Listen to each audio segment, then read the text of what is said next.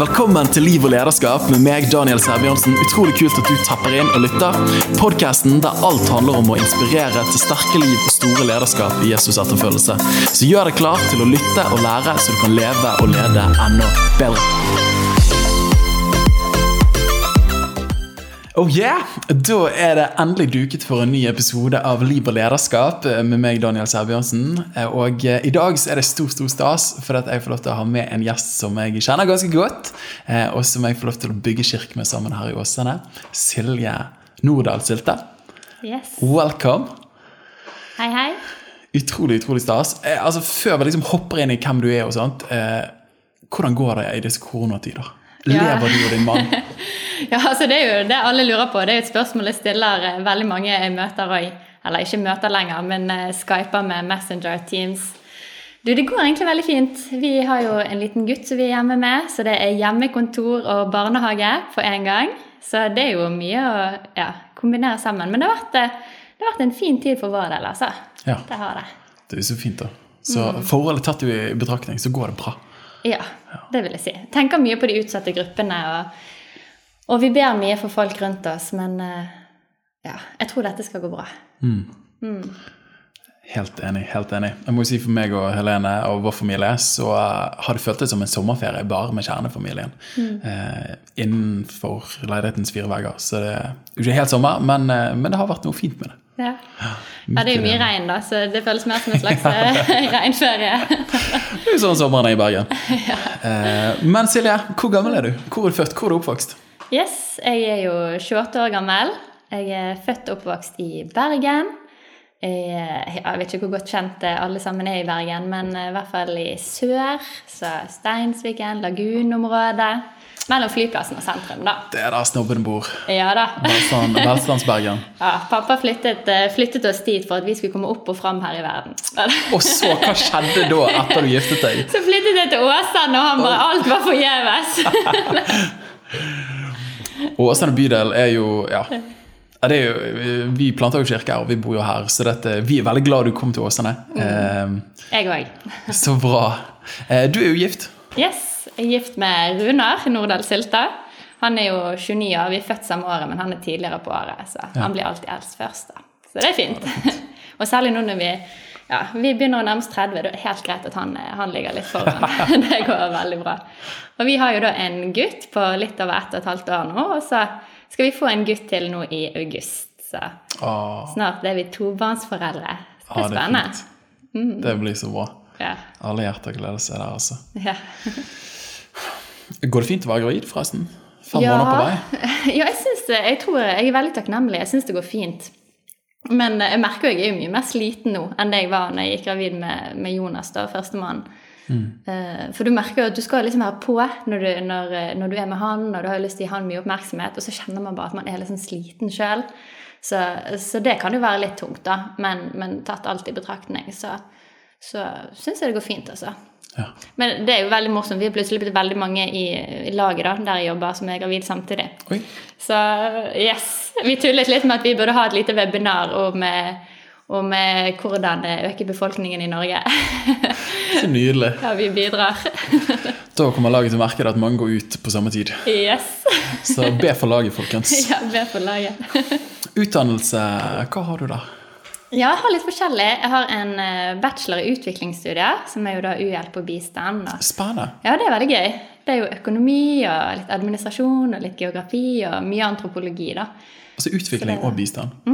Så det er liksom, det er liksom en FN-utdannelse på et vis? da? Eller Ja. liksom, ja.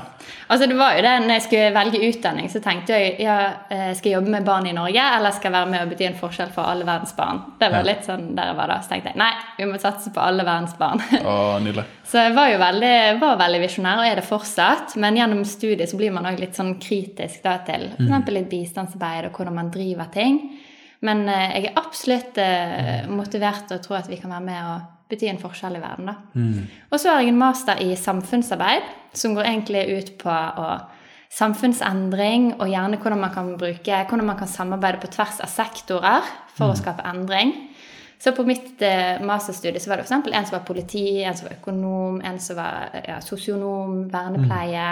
og at vi jobbet en del sånn sammen i gruppearbeid da, for å se hvordan vi kunne være med å løse samfunnsutfordringer. Utrolig spennende. det, ja, det er noe jeg brenner for. Og så har jo jeg en del sånn eh, bibelfag og litt sånn små teologi her og der. Og ja, det har jo vært eh, utrolig, utrolig gøy å ja, kombinere. Var det spennende utdannelsessammensetning. da. Altså, Mm. det, det høres jo ut som utdannelse for en som er en ildsjel som har lyst til å bety en forskjell. Ja. Vi tror at det er masterstudiet, at det var forholdsvis engasjerte mennesker som var der. da. Ja, ja, det tror jeg absolutt. Og vi var på en måte litt engasjerte i våre ulike greier ut ifra hva bachelorbakgrunn vi hadde. Ja. Så det var gøy å se at noen brant eksempel spesielt for innvandrere, noen brant spesielt for, for folk som slet med rus, noen brant spesielt for eh, ja, barn og unge. Så det at vi på en måte kom sammen og, og jobbet litt med det, det var gøy. Ja. Altså, Får du bruk for eh, utdannelsen din i Ja. det du holder på å jobbe med? Ja, altså jeg bruker faktisk overraskende mye eh, av eh, utdanningen. Det er veldig mye på en, eh, koordinering og planlegging og sånn. Og det å jobbe på tvers av ulike grupper, samfunn, organisasjoner, kirker. Jobber hele tiden med nye samarbeidspartnere. Så det får jeg brukt mye. Og så har jeg faktisk brukt overraskende mye av master, eh, altså analysearbeidet. For vi hadde en sånn studentkartlegging for et par år siden der vi kartlegte hva studenter tenker om tro og, eh, og studie, og tro og arbeid. Og der fikk vi brukt eh, ja, alt av datainnsamling og ja, Det var gøy. Og den eh, undersøkelsen der, den må vi komme tilbake til litt senere. For den er jo ganske relevant mot en del av de tingene vi skal snakke om. hvis jeg ikke tar feil. Ja, det kan godt hende. Vi får Kanskje. se. Eh, og eh, Jeg pleier jo alltid å ha litt sånn funny spørsmål. Og så tenkte jeg Silje, hva skal spørsmålet være? Og så bare så jeg for meg Jeg fikk ikke en visjon, eh, men nesten. Jeg så for meg liksom Stortinget. Og så Du sto foran der med stortingspresidenten, og så fikk du snakke til hele Stortinget. Og så, Hva hadde tematikken vært som du tok opp med de alle? Altså, dette er jo et spørsmål jeg syns er veldig gøy. For jeg har egentlig utrolig mange saker jeg brenner for, og mye som jeg syns kunne vært, eh, vært gøy å ta opp. da.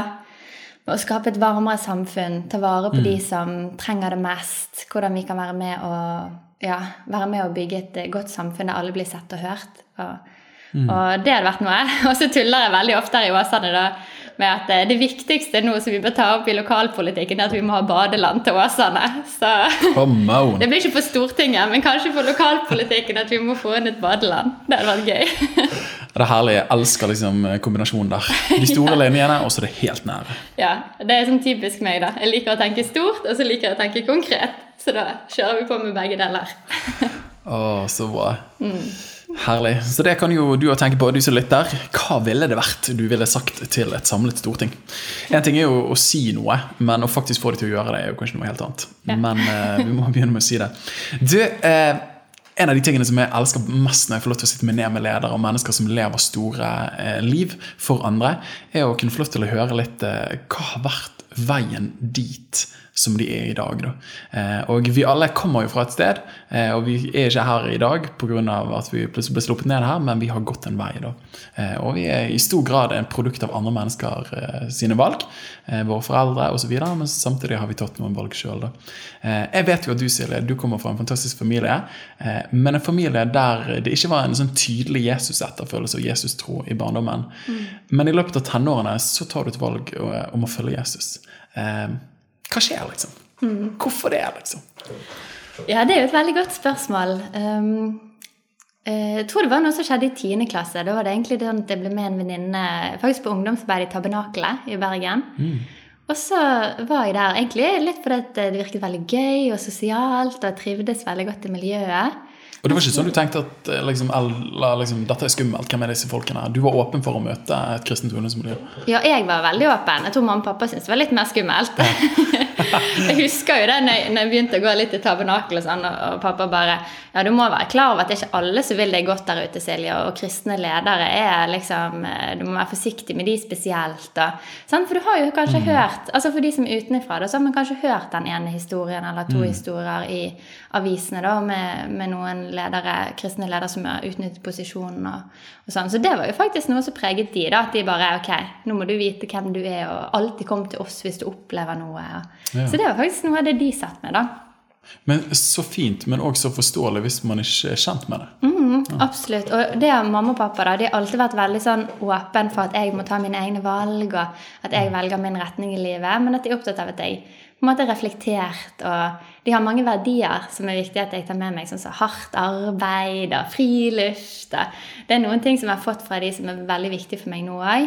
Men, men, eh, men, det med tro òg, det har de alltid vært veldig åpne for at jeg kan være kristen, men de vil at jeg skal òg være kritisk. Mm. Mm. Og det tror jeg egentlig bare har vært sunt, altså. Og, og i tabernakelet, så eh, Hvordan jeg på en måte ble kjent med Gud, da, det var jo Jeg opplevde først å få noen sånne opplevelser på møtene. Mm. Eh, det var litt under lovsang og noen talene. Så bare jeg bare kjente det på innsiden. Det er jo litt forskjellig hvordan vi opplever Gud. Ja. Eh, og hvordan Gud snakker til, til, hver enkelt av oss. Men jeg opplever ofte veldig sånn at det skjer noe med meg på innsiden. Så jeg opplevde jeg uh, flere ganger at jeg ble liksom på gråten, og jeg bare kjente at her er det noe mer. da. Og jeg husker ofte så ba de sånn at ja, hvis noen vil ta imot Jesus, kan ta opp en hånd. Og jeg mm. tok sikkert opp hånden både én og to og tre ganger det året.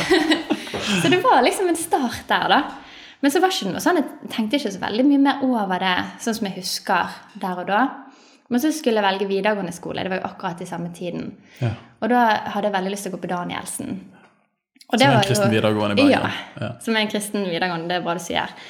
Eh, og det var egentlig litt fordi jeg hadde gått i speideren òg. Så noen av lederne mine der de hadde gått eh, på Danielsen og vært på Hillcrest, og de hadde vært på utveksling i USA. Uh, og det syns jeg virker veldig gøy. Og så virket det som en bra skole med godt miljø i byen. da. Mm. Så da valgte den skolen egentlig ja, pga. veldig mange sånn Ville på utveksling, ville gå på skole i byen. Det var veldig greit at du fikk vite allerede til påske om du kom inn eller ikke. For det er sånn mm. tidlig opptak siden det er privatskole. liker å planlegge, så det var kjempefint. Og så valgte den skolen, og jeg tror ikke jeg da visste liksom, hvor mye det kom til å bety for meg. da. For det var egentlig når jeg først begynte på den skolen, at jeg uh, fikk liksom se at det var så mange kristne her i verden. Og jeg fikk lære mer om troen, jeg fikk uh, møte med litt forskjellige kirker. Og spesielt i USA så har de en sånn utrolig Det er mye å si om USA, men de hadde en veldig sånn fin uh, holdning om at Gud er en del av hele livet. da. Ja. Så uansett hva vi gjorde der, så var det liksom, skulle du spille volleyballkamp, så ber du før kampen. Du ber på morgenmøtet, du ber, du ber ja, med de du bor med. Altså Bønnen var liksom en del av alt. Og, og, måten man snakket om Gud, det var liksom en del av alt. Og det var på en helt annen måte enn i Norge. Så det, det betydde mye. Mm. Ja. Så det, ja. Så det, Danielsen var jo veldig viktig. Og, og, det skjedde ganske mye i troen min eh, de årene der. Og så ja, Det er jo mange ting jeg kunne tatt opp på mm. veien og mange forbilder og, og, mye som skjedde. Men det var spesielt eh, når jeg var ferdig med bacheloren min, da så opplevde jeg liksom at jeg skulle, skulle be om at uh, Gud skulle vise meg hvor jeg skulle dra. Og da ba jeg veldig sånn konkret om at jeg hadde lyst Jeg liker å ha flere ting, da. Så jeg ba om at jeg skulle være et sted der jeg kunne bli utviklet som person, og i troen og i arbeidslivet. Og så ville jeg være et sted der de virkelig trengte meg, da. Der jeg kunne bety en forskjell. Og så begynte jeg å, å møte forskjellige folk som jobbet i laget. Og jeg hadde jo aldri tenkt på laget. Jeg visste jo nesten, jeg hadde jo vært medlem i Kristen Røst, men jeg hadde aldri liksom vært koblet på. Og det er jo litt morsomt, for det er jo egentlig en organisasjon som jobber mest med ungdomsskole, videregående student. Ja. Og så ble ikke jeg koblet på egentlig før jeg var nesten ferdig med å studere. Men da, da Først så tenkte jeg nei, jeg har ikke tenkt å søke jobb, for de anbefalte meg å søke stilling der og sånn. Og jeg tenkte nei, nei, jeg tror ikke det, og jeg har ikke hørt om det før og sånn. Men så ble jeg liksom minnet om det igjen og igjen. Så endte jeg opp med å søke egentlig veldig eh, lenge etter søknadsfristen. Og så jeg, ble jeg da tilbudt en sånn trainee-stilling um, i laget. Det var det året jeg var ferdig med bacheloren. Og mm. så tok jeg den stillingen. Og det har vært veldig utviklende for min tro, altså. Det, det har lært utrolig mye om om ja, det å bare følge Gud i, i, alt. Og det er så gøy i lag òg. Man møter så mange andre ungdommer og studenter og ansatte som har, hatt, eh, har så vanvittig vitnesbyrd og ja, en veldig sterk tro. Så det har vært veldig inspirerende for meg å mm. ja, vokse sammen med de, da. Utrolig spennende, altså. Mm. Jeg syns òg det er gøy det du sitter oppå der, at uh, troen er en reise. Mm. Eh, og at man, man, plukker opp ting i det man går. Mm. Eh, og at den utvikler seg og den vokser. Eh, og nå har jo vi barn som er i samme alder, mm. men det å følge barna våre fra de trenger all hjelp, til å se at de mer og mer blir selvstendige Og sånn er troen litt òg, da. Eh, så utrolig vakkert å høre. Jeg kjenner jo deg, Silje, forholdsvis godt etter å plante kirke sammen her i Åsane bydel. Og du er jo en engasjert jente. Mm. Altså, Du har jo tusen jern i el. det skal ikke mye til for å gire deg for en idé. Eh, og du trekkes mot å ta ansvar og lederskap. Eh, har det alltid vært sånn? Liksom, eh, når du gikk i speider, var det naturlig for deg å ta lederskap? Er det en naturgave, eller er det noe som du har måttet jobbet for og ville ha inntatt? Hmm. Jeg tror I speideren så er systemet egentlig bygget veldig sånn opp at du får lederansvar tidlig. Og det tror jeg har vært veldig viktig. Så idet du begynner i åttende klasse, så blir du da leder for de på barneskolen. Mm. Så man får ansvar veldig tidlig, og det gjør at man lærer seg å planlegge tidlig, man lærer seg å lede mennesker tidlig. og i tillegg er det òg en del sånn ledertreningskurs, så du får en del input på hvordan du kan bli en bedre leder. Så jeg tror, jeg tror det, det, var veldig sånn viktig inngangsport for meg. da. Men jeg så ikke alltid på meg sjøl som en sånn naturlig leder, eh, som kom til å få mange folk som hadde lyst til å følge meg. og sånn. Eh, det var jo andre som hadde mer autoritet enn meg, syns jeg. Ja.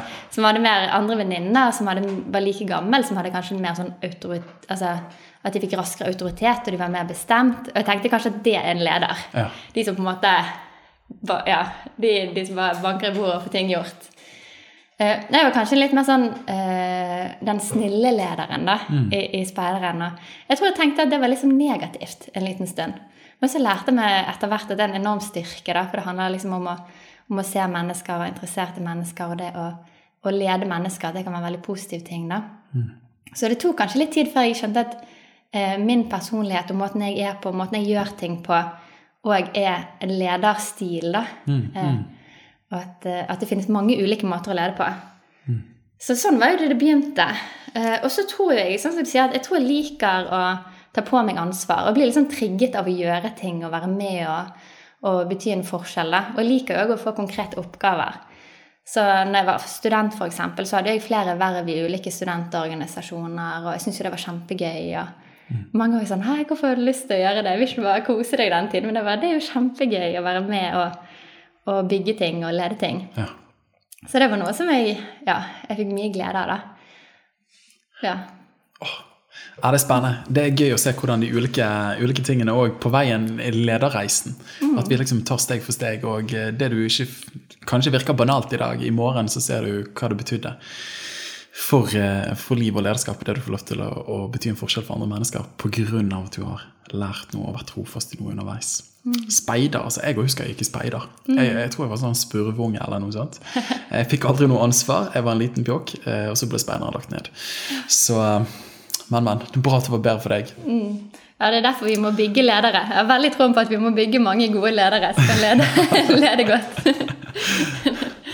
du, du, jobber jo i laget, som du har uh, nevnt litt. Grann. Hva gjør du i laget? Ja, er, Jeg vet jo ikke om alle vet hva laget er, da. Men uh, laget vi er jo en uh, kristen ungdomsorganisasjon mm. som ønsker at Jesus skal bli kjent på skoler og studiesteder. Så han blir trodd, elsket, etterfulgt. Det er visjonen. Og vi er vel rundt 200 lag rundt omkring i landet. på ungdomsskoler og Og eh, videregående og studie, altså liksom på universiteter ja. og høyskoler. Det er en ganske lang historikk på organisasjonen? ikke det? Jo, altså vi blir jo 100 år nå i 2024. Så nå er det fire år til 100-årsjubileet. Så oh, yeah. ja da, vi holder på med strategi der, og det er gøy, det. Gøy å være en del av en så lang tradisjon. Vi hadde nettopp en runde der vi ringte rundt og takket giverne våre. Og det å liksom det er folk som var kanskje aktive på 60-70-tallet, som har vært med å gi i, i, mange mange år. Og det å høre den historien vi bygger på, det er veldig inspirerende.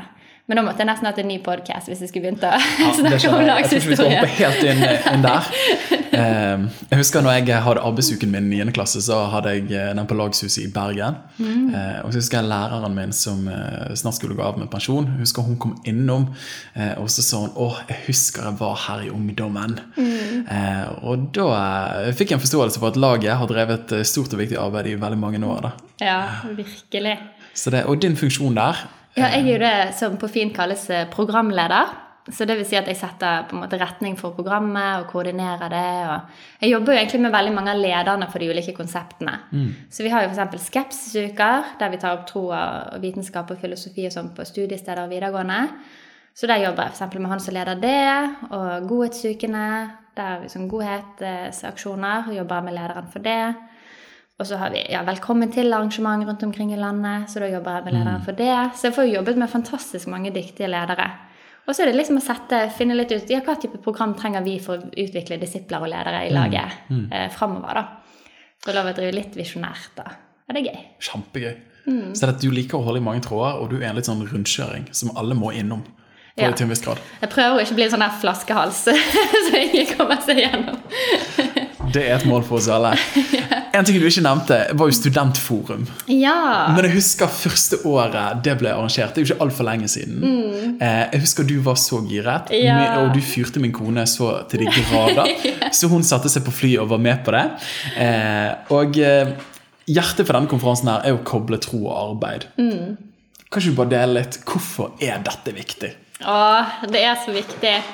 Eh, og jeg tror det er mange grunner til det. Det med å koble tro og arbeid. Eh, Bibelen sier jo veldig mye eh, om, om tro og arbeid, egentlig. Allerede i, i første Mosebok, i de første kapitlene, så står det om at Gud skapte oss til å forvalte jorden. Og at det er liksom et ansvar vi har som mennesker, da, å være med å forvalte jorden. Og det står også om arbeid som kreativitet, og veldig mange som det står om i Bibelen, og hadde konkrete yrker. sant? De var konger eller dronning, eller de var forvaltere, statsmenn. eh, Helt sant. Hadde så mye ulike roller. Og Jesus òg jobbet jo faktisk som tømrer eller snekker i en del år. Så det, det er liksom Det med yrke er jo en, en viktig del av hvem vi er. Jeg tror ofte at liksom det med arbeid det blir plutselig en sånn ting som du gjør for å tjene penger eller for å klare deg, eller noe som er forventet av deg. da. Jeg tror jo Gud har skapt oss til å, til å arbeide og, og forvalte, forvalte det. Og så tror jeg òg at i Norge så er det et litt sånn sekulært samfunn. Så vi er vant til liksom at du skal skille troen din eh, kanskje fra hverdagslivet og tro er noe privat, eh, noe som du holder på med litt for deg sjøl. Eh, mens fra et bibelsk perspektiv da, så virker det som at troen skal være en del av alt du står i. Og at troen er på en måte rammen for alt du gjør. Eh, og så tror jeg òg som en del av Norge og som en del av vår kultur, så vil òg vi som kristne synes det kunne være krevende da, å se hvordan vi kan få, eh, få med oss troen i, i arbeidslivet. da. Og jeg tror det er mange grunner til at det er krevende òg, men f.eks. hvis du tenker gjennom språket vi bruker, da. Hva språk bruker man på jobb, og hva språk bruker man i kirke? Ja. Og ofte, hvordan kan du da forene Vi hadde en sånn øvelse på det for ikke så lenge siden der vi skrev opp to forskjellige ord, eh, arbeid og kirke, så skulle du skrive ned alt du kom på. Dette kan jo folk gjøre hjemme òg, egentlig. Eh, og, da, ja, og da så vi at språket var veldig ulikt. Ja. Og hvis du da skal for eksempel snakke om Jesus på jobben, da, så sitter du med et helt sånn fremmed språk, kanskje. Så du ikke vet helt hvordan du skal ta med deg. Så jeg tenker det, jo- det er en sånn ting eh, som jeg tror det gjør at det er viktig at vi, at vi jobber og fokuserer litt med hvordan vi kan ha med tro på arbeidsplassen. Og så tror jeg også det blir ofte snakket om sånn at, det en ut, at det alltid skal være en utfordring. Ja, men hvordan skal vi klare det? og sånn. Men jeg tror det er så mye potensial da. At hvis vi lar Gud få lov å slippe til inn i hele livet vårt og på arbeidsplassen, så, så kan det skje mye. Og så sier jeg ikke jeg at det alltid er lett. Jeg tror jo at en av grunnene til at jeg jobber så mye med det, er fordi at jeg, jeg skjønner hvor krevende det kan være. Men eh, jeg tror det ligger masse, masse potensial her. Og det er vel noe av hjertet bak Studentforum, å, å kunne få lov til å gi visjon eh, for at den utdannelsen du tar, eh, det er ikke bare for at du skal få cash i banken, og at eh, du skal få hytte og eh, en fin pensjonsordning, eh, men at du kan få lov til å koble din etterfølgelse av Jesus med den utdannelsen du tar. Eh, og eh, det her er jo, har vi lyst til å campe litt i samtalen. Eh, men jeg tror at denne tematikken her er jo så utrolig viktig å løfte opp. Og kanskje særlig for oss som er født og oppvokst i menighet. eh, At menighetsliv blir en egen boble, og så lever vi arbeidslivet der ute, sånn som du var inne på. Men det å kunne få lov til å slå ned den veggen der, da. Eh, og jeg syns det var interessant når du snakket om USA i sted. Men opplevde du på en måte å møte noe der borte? At man evnet å kombinere, sånn som du sa, liksom kristentroen var en del av alt man holdt på med? Ja, ja, delvis. Men jeg, tror, jeg, jeg kan si mye om USA, da. Ja, kanskje ikke vi skal gå helt inn der. Jeg tror vi heller fokuserer på Norge. Men, men ja, de har noe der. Men ikke kan, og det er jo varierende fra hvilke miljø man er i. også, Det er så mange ulike miljøer, eh, miljøer der òg. Men jeg tenker eksempel, hvis du er en jurist i Norge hvor mye sier ikke Gud om rettferdighet, og hvor viktig det er at vi jobber for rettferdighet? sant? Det er helt naturlig at, det, at det er en del, altså at arbeidet da går inn en, som en naturlig del av troen. Eller Hvis du jobber med økonomi, da, du, alt- altså du forvalter. Og økonomi er jo først og fremst noe vi har for å kunne frigjøre at ting kan skje. sant? Vi, vi har jo penger for å kunne ja, kunne kjøpe ting og kunne åpne arbeidsplasser, skape arbeidsplasser. Det er så mye man kan bruke økonomi og finans til. da. Hvis du er lærer, sant? det å utruste ungdommer, eh, ja, til framtiden. Og det som, altså uansett hvilket yrke man står i, så, så har det en funksjon, da. Eh, inni Guds rike òg, da. Så det Og det er spennende tanker. eh, og jeg må jo si at Det har vært en glede å kunne få lov til å, å være rundt deg Silje, og andre som på en måte alltid strekker liksom, fokuset utover. Eh, og kanskje for oss som jobber som eh, menighetsledere, så er liksom fokuset ofte hvordan kan vi få større bygning, hvordan kan vi få mer bucks og butts eh, til å liksom samles. Eh, men så er det akkurat som nei, men det handler om noe mer enn dette her. da. Eh, og For meg var det en øyenåpner den dagen jeg forsto at det er ikke evangeliet om Guds menighet Jesus kommer og forkynte, men det er evangeliet om Guds rike. Eh, og Guds menighet innbefatter noe, med Guds rike innbefatter alt. Eh, så det er et jeg tror liksom vokst opp med å hørt forkynnelse. Ja, når du er på jobben din, forteller folk om Jesus. Ja, det er kjempebra.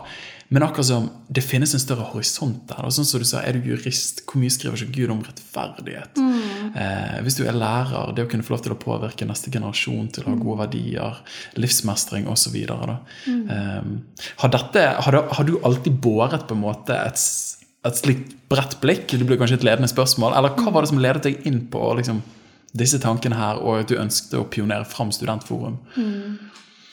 Du, det er jo et kjempegodt spørsmål. Ehm, kanskje det er naturlig lettere for meg, siden jeg ikke kommer fra en kristen familie. Hvem vet? Men, men jeg har jo møtt utrolig mange inspirerende mennesker som jobber med denne tematikken i, i Norge, da, spesielt. Min svigerfar er jo utrolig brennende. eh, brennende for, for dette. Og startet sånn Hauge Business Nettverk. Og snakker mye om Hans Nilsen Hauge og den arven vi bygger på. Og så har jeg vært midt med i, i Skaperkraft og i ledertreningen der, og det har jo vært veldig inspirerende. og ja, jeg, når jeg jobbet med Studentforum, da, så samarbeidet vi med Hellig Hverdag-konferansen.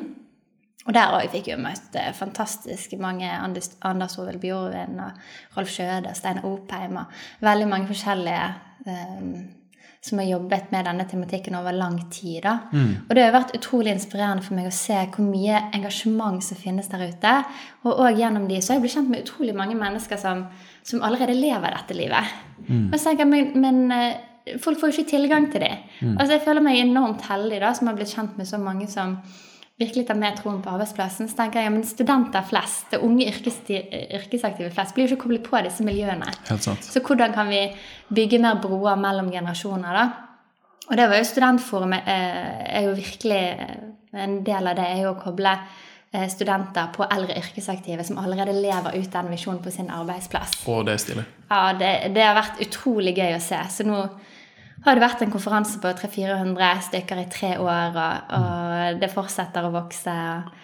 Og, nei, jeg har skikkelig troen på at dette kan bli så mye større enn det det allerede er òg, da. Eh, ja, så det er veldig gøy.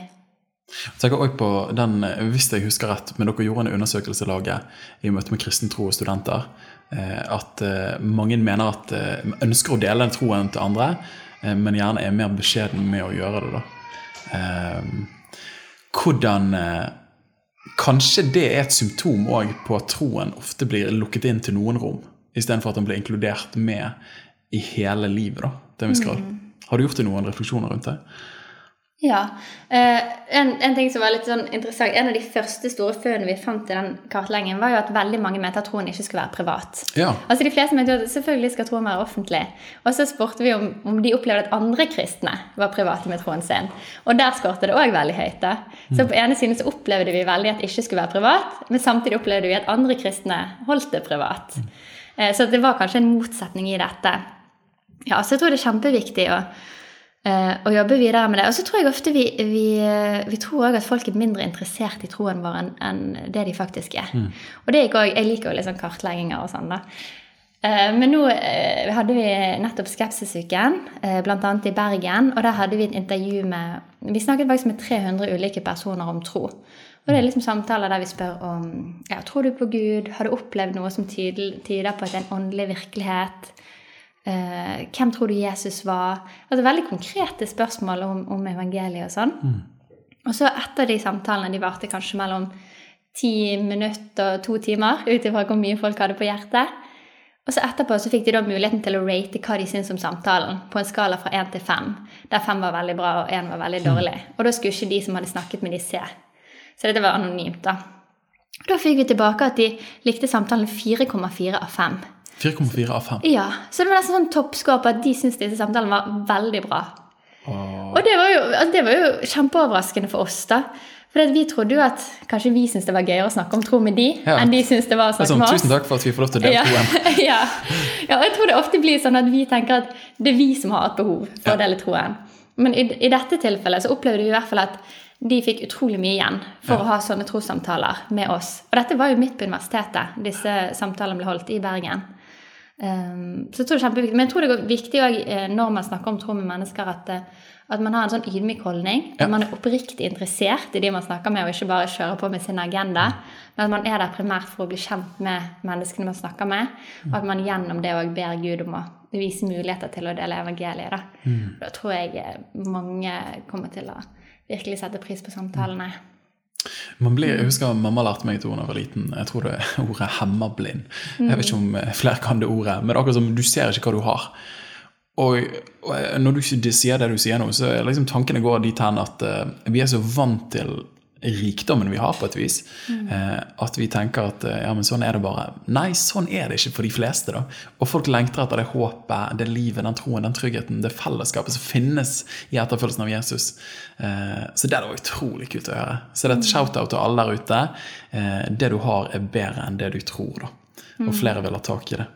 Men hva tror du er noen av hindringene til at vi vi ender ofte opp med at kirkene våre Du får spectators og tilskuere til en pastor og en lovsangsleder i trange bukser, og eh, det ser fint ut, men folk føler på en måte at kirka har ikke relevans for uken min. da. Hva er liksom noe av hindringen for at vi klarer å koble tro og arbeid? Jeg har tenkt én ting, da. Det at, eh, at f.eks. for eksempel når vi er studenter, da, så er veldig mange av forbildene våre i troen. Det er pastorer, det er forkynnere. Eh, Og veldig mange forbilder fra arbeidslivet er folk som ikke er kristne. Så jeg tror at vi sitter ofte med to sett forbilder som ikke er forenlige. Så én ting jeg har tenkt er at det er veldig bra å få forbilder som både er kristne og har troen din, men òg har det yrket du skal inn i. Eller brenner for noe som du er engasjert for. Så det jeg tenkt kan være én ting som er fint. eh, Det å koble folk sammen i mentorordninger, f.eks. Det er noe jeg har litt troen på. Vi starter jo sånn mentorgrupper for unge yrkesaktive nå, der vi setter sammen ja, 12-16 unge yrkesaktive med noen eldre yrkesaktive. Og så spennende. Ja, det, det er skikkelig gøy. Og Hvor kan folk finne info om dette? hvis Ja. de har lyst til å... Ja, altså, det blir jo reklame, det. Ja, men det er bra. Nei, De kan finne det på lagets nettside. Ja. Eh, søke opp mentorgrupper der. Eh, så går det an å sende inn både søknad hvis man vil være med, og så går det an å ta direkte kontakt med meg hvis man kunne tenke seg å lede en sånn gruppe. Eh, For da leter vi etter ledere mellom ja, 30 og 60-70 år mm. som har litt erfaring med å, ha- å ha troen med på arbeidsplassen, og som har hatt et brennende ønske om at Jesus skal være med. Man trenger ikke å være perfekt, men eh, man må ha et oppriktig ønske om å investere i andre og, og følge, følge Gud på arbeidsplassen og gjort seg noen erfaringer. Mm. Så det å koble de sammen, det tror jeg, det tror jeg er en nøkkel. Så tror jeg det er bare å kunne jobbe litt med, med språket. Det tror jeg flere kirker gjør òg nå. Men at vi må hjelpe folk til å på en måte se hvordan, troen er, eller hvordan arbeidet òg er en del av troen. da. At vi rett og slett kanskje må ha litt undervisning på det. Kanskje vi kan eh, løfte fram litt flere folk i kirken og sette det mer på agendaen der. Eh, Det tror jeg kan være bra. Og, og, ja, og vise mer eh, interesse for folk sine yrker generelt òg. Ja. Det tror jeg kunne være bra. For det er veldig sjelden man snakker om ja, eh, hva gjør du faktisk på jobben din. Er det noe du trenger konkret bønn for i ditt yrkesliv? Spennende. Altså. Jeg tror det kunne være bra. Ja, Der tror du pinpointer her eh, mye som er viktig. altså. Eh, Og bare tenker For min del som fra forholdsvis ung alder kjenner jeg et kall til å forkynne, til å være menighetsleder. Og det er ikke veldig vanskelig å finne eldre forbilder som er villig ta deg under vingene sine og har lyst til å, lære deg det beste de har. Men det er på en måte en helt fjern tanke når det kommer til kristen, men òg eh, samfunnslivet, da, og, og jobb ute i det sekulære samfunnet. Så det, dette er spennende, altså. Og vi trenger også en mer holistisk disippelgjøring eh, av mennesker. Så åh, heia på dette her. Så enig. Det er jo et privilegium med å liksom ha en podkast sånn som dette her, og ha spennende mennesker på, at man blir så giret. Eh, vi har jo snakket litt om det, men hva tror du, særlig oss pastorer Og nå er det gjerne mange menighetsledere som lytter inn her. Eh, men hvordan kan vi få søndagen til å tjene mandag, tirsdag, onsdag, torsdag, fredag, lørdag for de som sitter i, i benkeradene? Jeg tror det blir litt sånn som jeg nevnte i sted, og det å heie fra, folk fram og sette fokus på yrkene og viktigheten av det òg. Og jeg vet jo at på en måte, Vi legger jo veldig mye fokus ofte på at du skal være med på, på gudstjenesten på søndagen, og du skal være med på, på en huskirke eller en bibelgruppe eller noe sånt i tillegg, og så skal du ha tjeneste i tillegg. Og jeg tenker at det er veldig mye bra i det, men så tror jeg også i veldig mange yrkesliv så er ikke det så lett å kunne være med på alle gudstjenester og, og, og alle, alle møtepunkter som er. Så jeg tror det å heie på alle disse som er ute i arbeidslivet, og vite at at de er like mye med i kirken, selv om de ikke kan være med på alle møtepunktene. Og heie på det de gjør der ute.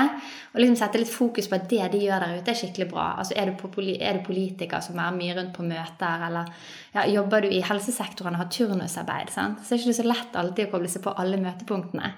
Um, så det å heie, heie fram disse og løfte fram eh, arbeid som en viktig del av menigheten og en del av, av livene våre, ja, være med å be konkret for folk. Og liksom at, at noen jobber jo litt med eksempel sånn yrkespastor. At pastoren kan liksom besøke på jobb og liksom kan være med og be for arbeidsplassen. Men ja, hvorfor skal ikke pastoren be for Ja. arbeidsplassene? sant? Det er helt nydelig. Og for et privilegium som da ja, For jeg, meg som går i menighet, da er så gøy liksom, om pastoren kommer og ber og liksom Ja, kan jeg be for arbeidsplassen din og sånne ting? Det å utforske det litt mer, det jeg tror jeg kunne være gøy. Ja, det, det er en utfordring eh, til oss pastorer. pastorer. Og vi vil ha det. altså Vi vil liksom ha pastorene der. da. Det opplever jeg flere sier. Folk vil jo at pastoren skal være med og, og, heie og be for deg. Så, og så tror jeg det er masse muligheter der ute. Jeg tror vi bare så vidt er i gang. jeg.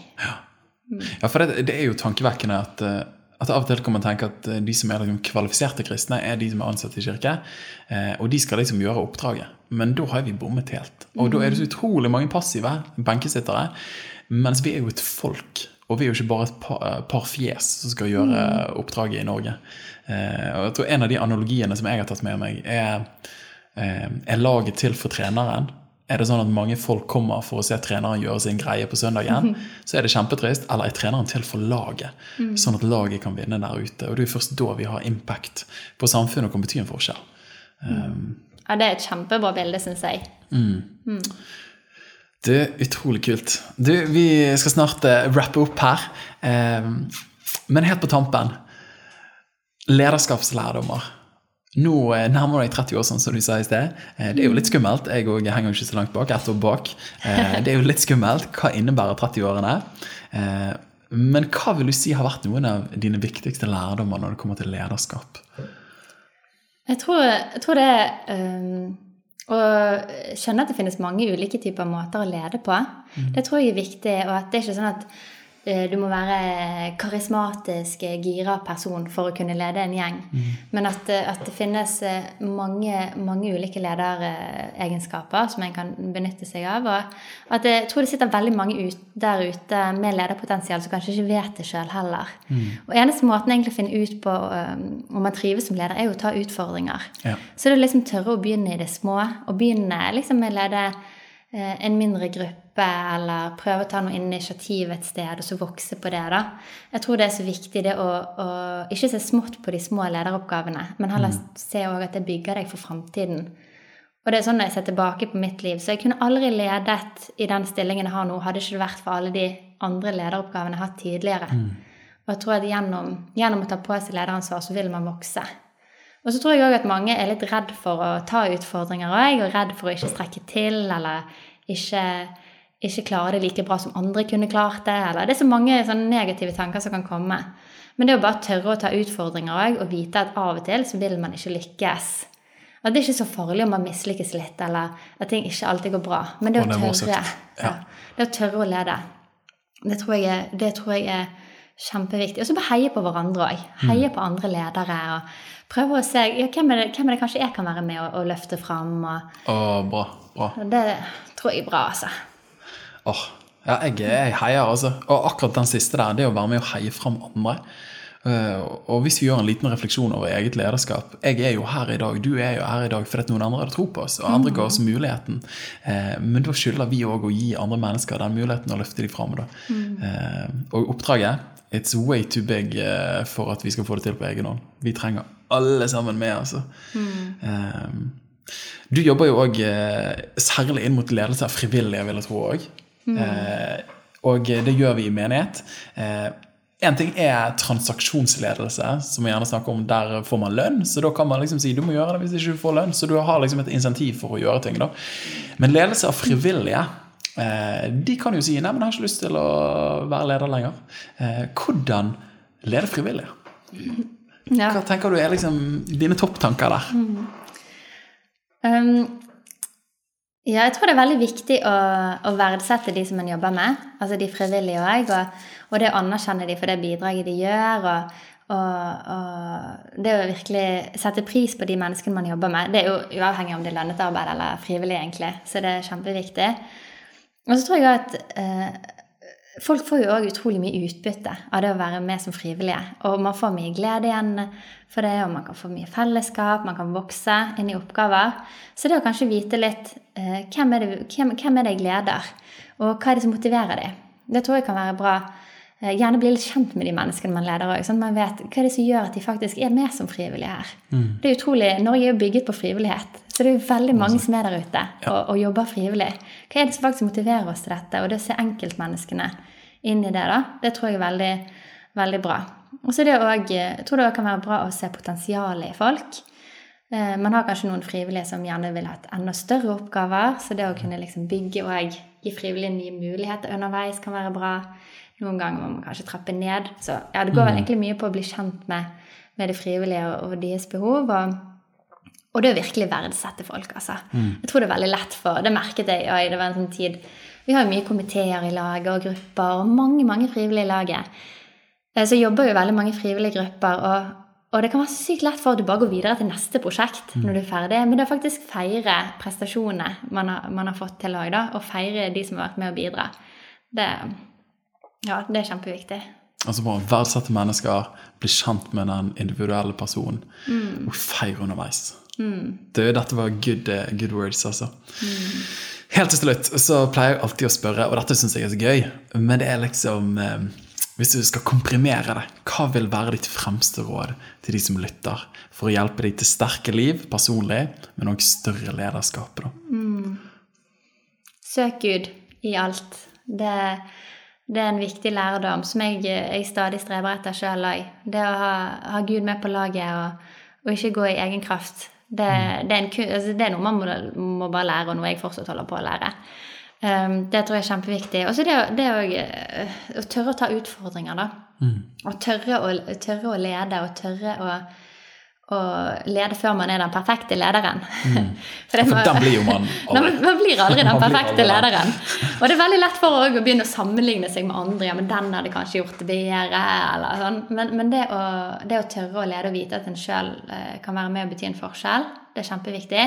Og så må jeg slå et lite slag for disse jentene. da. Ja, for jeg har så tro på kvinnelige ledere, og det å få fram flere jenter, det brenner jeg litt for. For jeg merker at veldig mange komiteer jeg sitter i nå, så er jeg ofte nesten eneste jente. Mm. Eller eneste kvinne. Og, og veldig mange menn. Eh, så det, at, eh, det, å ha flere kvinner på laget òg, som tør å ta, ta lederskap og, og, ja, det hadde vært fint. Og det vet jeg mange, mange, ønsker flere kvinnelige ledere, men de sliter litt med å finne dem. Så vi, vi som kvinner òg må, må, tørre å stikke oss fram. Og dette var bra. Altså, her kjenner jeg her kunne vi brukt litt uh, mer tid. Men helt kort på det, da. Oppfølgingsspørsmål. Eh, hva tror du skal til for at kvinner eh, stepper mer opp? Jeg tror faktisk, jeg tror vi som allerede har lederposisjoner, må gi kvinner mulighet. Det er veldig lett for at du bare tar en eller annen mann du kjenner til fra før. fordi de allerede kan det, eller sånn. Men vi må, vi må se etter kvinner, konkret. At ofte er det utenfor radaren vår, for vi tenker det må være en mann. Ja. ja. Eller vi kjenner, vi kjenner, til så mange menn. Så mm. Hvis du skal velge en taler mm. Jeg tror mange som har sittet og planlagt liksom, møter eller ja, alt mulig, tenker at du vil gjerne ha kvinnelig taler. Men det er så sinnssykt mange gode menn, og, og hvor er kvinnene? Så det å, det å, faktisk aktivt trene kvinner òg til, til, å, kunne lede, ta ulike roller ut ifra hva gaver de har, det tror jeg er viktig.